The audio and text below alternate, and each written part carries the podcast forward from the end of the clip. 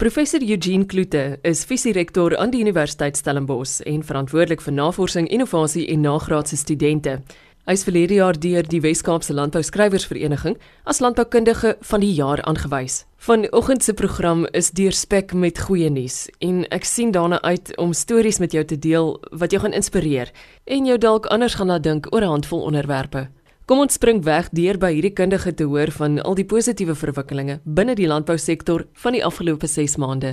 Ek dink wat vir my wonderlik is, is die fokus op boerdery in Suid-Afrika op die oomblik. En daar's 'n klomp aspekte wat daaraan uh, gekoppel is. Kom ons begin dalk met die investering in landbou colleges. Die regering het onlangs met eintlik by die laaste begrotingsrede 'n klomp geld uh, beskikbaar gemaak om landbou colleges op te gradeer en hulle weer te kry uh, waar hulle moet wees. Dis boonbehalwe die geld wat gespandeer word aan universiteite, maar die landbou colleges het 'n bepaalde rol om te speel in Suid-Afrika waar jy dan die praktiese aspekte uh, van boerdery aan oordra aan jong mense. So dis vir my baie opwindend. Die fokus wat gaan rondom die opleiding van boere in Suid-Afrika.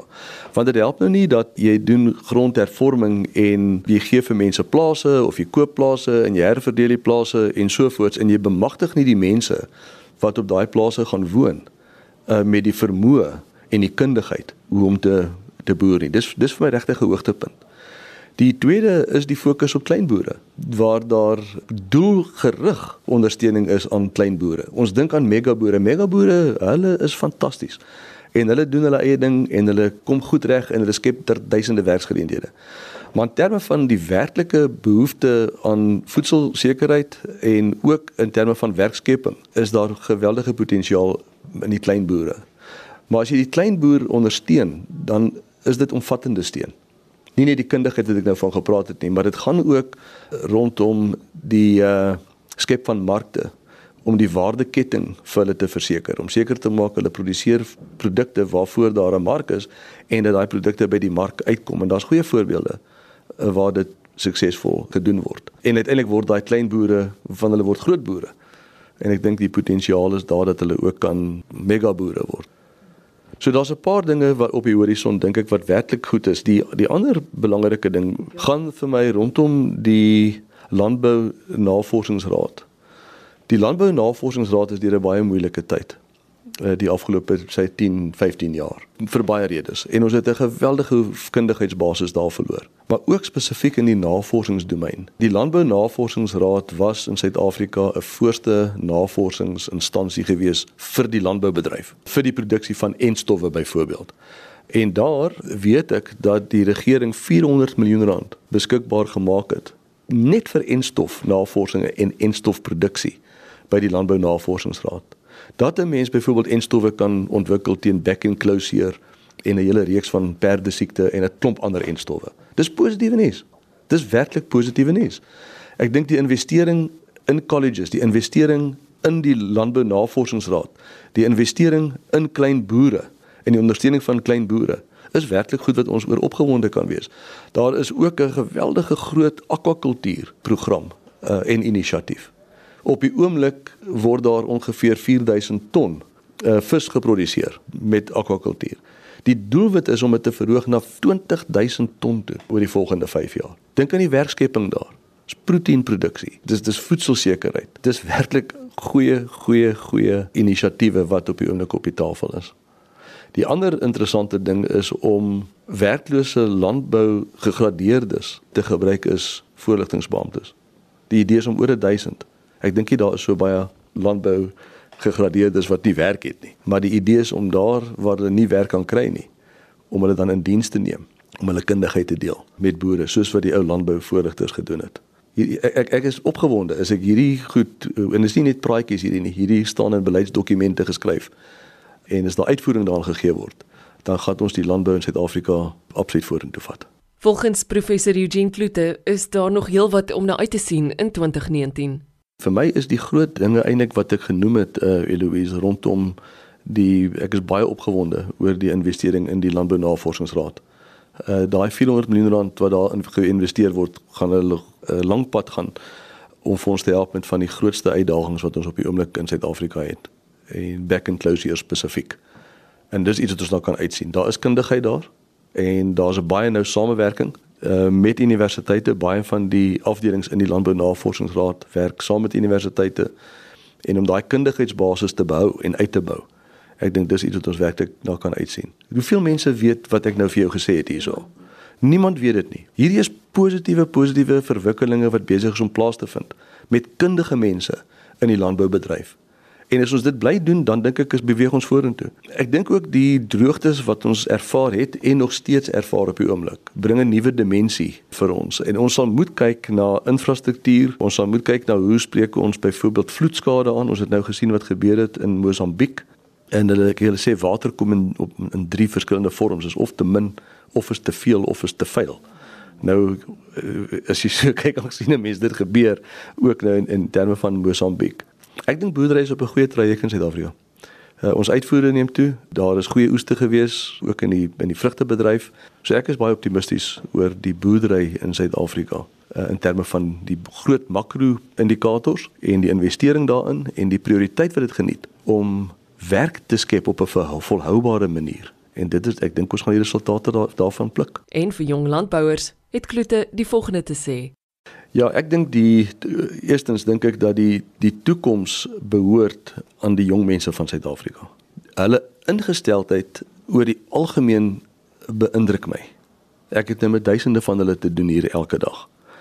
En hoekom beïndruk dit my? Eerstens vat hulle nie nonsens nie.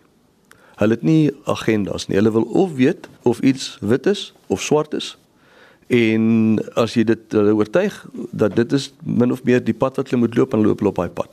So ek hou daarvan.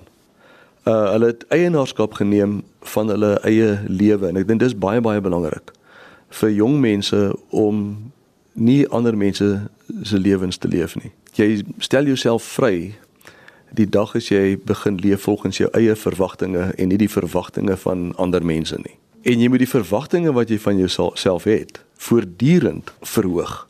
Maar ook die verwagtinge van die mense saam met wie jy werk. My ondervinding is dat wanneer jy 'n positiewe verwagting teenoor iemand anders kommunikeer en daai persoon dan ondersteun, dat hulle nie sal teleurstel nie.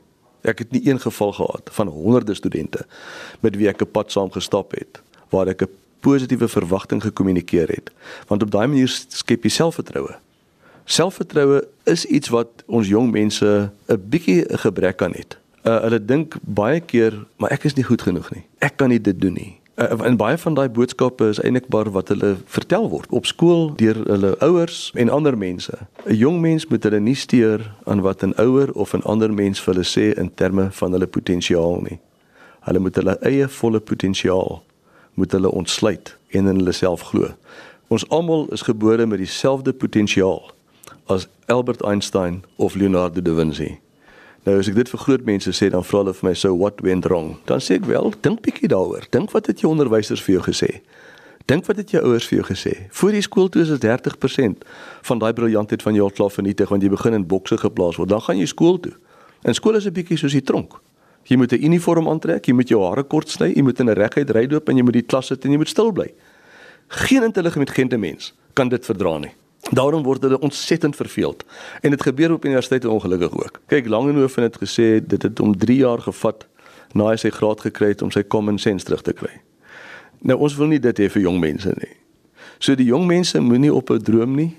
Hulle moet 'n hoë verwagting van hulle self hê en hulle moet weet dat hulle die potensiaal het om dit te bereik wat hulle droom en hulle moet laat niemand hulle aandag aftrek van daai doelgerigte droom waarna hulle streef nie want ek het geleer dat as jy dit doen dat jy vinniger by daai drome uitkom as wat jy dink. En dan's die geheim om 'n volgende droom te hê en 'n volgende droom te hê en 'n volgende droom te hê. Ek sê vir 'n jong landbouer as iemand wat op 'n plaas groot geword het jy is absoluut bevoordeel in die eerste plek om in die landboubedryf te kan wees. Jy is absoluut bevoordeel om die land te kan bewerk. Jy is absoluut bevoordeel om die natuur te kan beleef. Jy is bevoordeel om te kan sien wat doen dit as dit reën uh, op 'n omgeploegde land waar jy gesaai het en jy sien hoe kom my plante op en jy sien die hoop en jy sien die toekoms. Jy's absoluut bevoordeel om in 'n land soos Suid-Afrika te bly.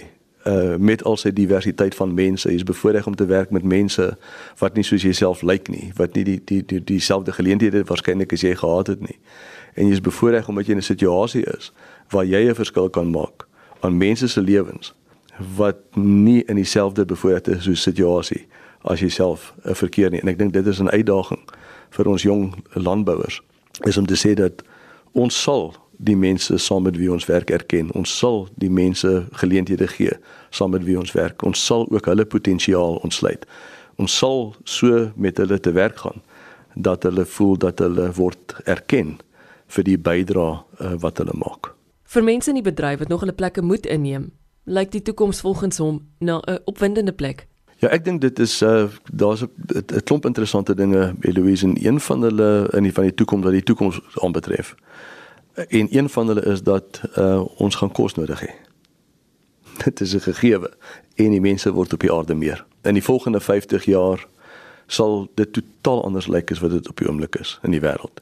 Die bevolking sal amper verdubbel, die energieverbruik sal opgaan, maar meer belangrik is die mense sal kos moet hê om te eet ons sal verseker nie met ons huidige praktyke en met die huidige beskikbaarheid van landbougrond in die wêreld genoeg kos kan voorsien vir die mense op hierdie planeet nie.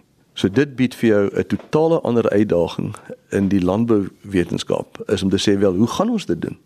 Wat gaan ons doen om byvoorbeeld die produksie te verhoog, om te kyk na ander maniere van produksie, om te kyk na hidroponika, om te kyk na uh, waar pas genetiese gemodifiseerde produkte in. Hoe optimaliseer ons byvoorbeeld uh, landbougrond? Ons kan nie aangaan byvoorbeeld om net aanhoudend die grond uit te put nie en dan dit kunsmatig met chemikalieë weer aan te vul nie. Dis nie volhoubaar nie.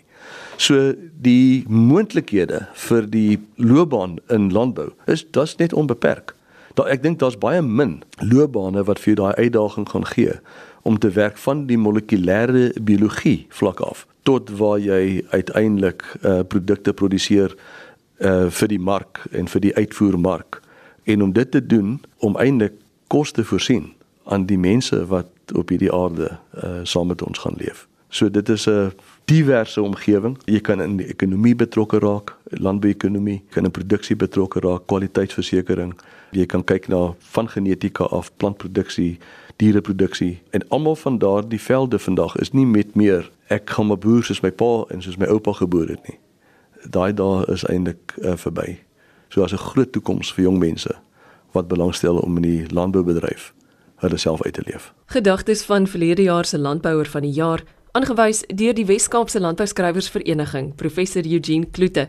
Hy is ook visierektor aan die Universiteit Stellenbosch. Luister na nog programme waar ons gesels met inspirerende mense deur dit af te laai op www.rsg.co.za en op elsenburg.com. Ek's Eloise Pretorius en ek dank jou dat jy vanoggend saamgekuier het.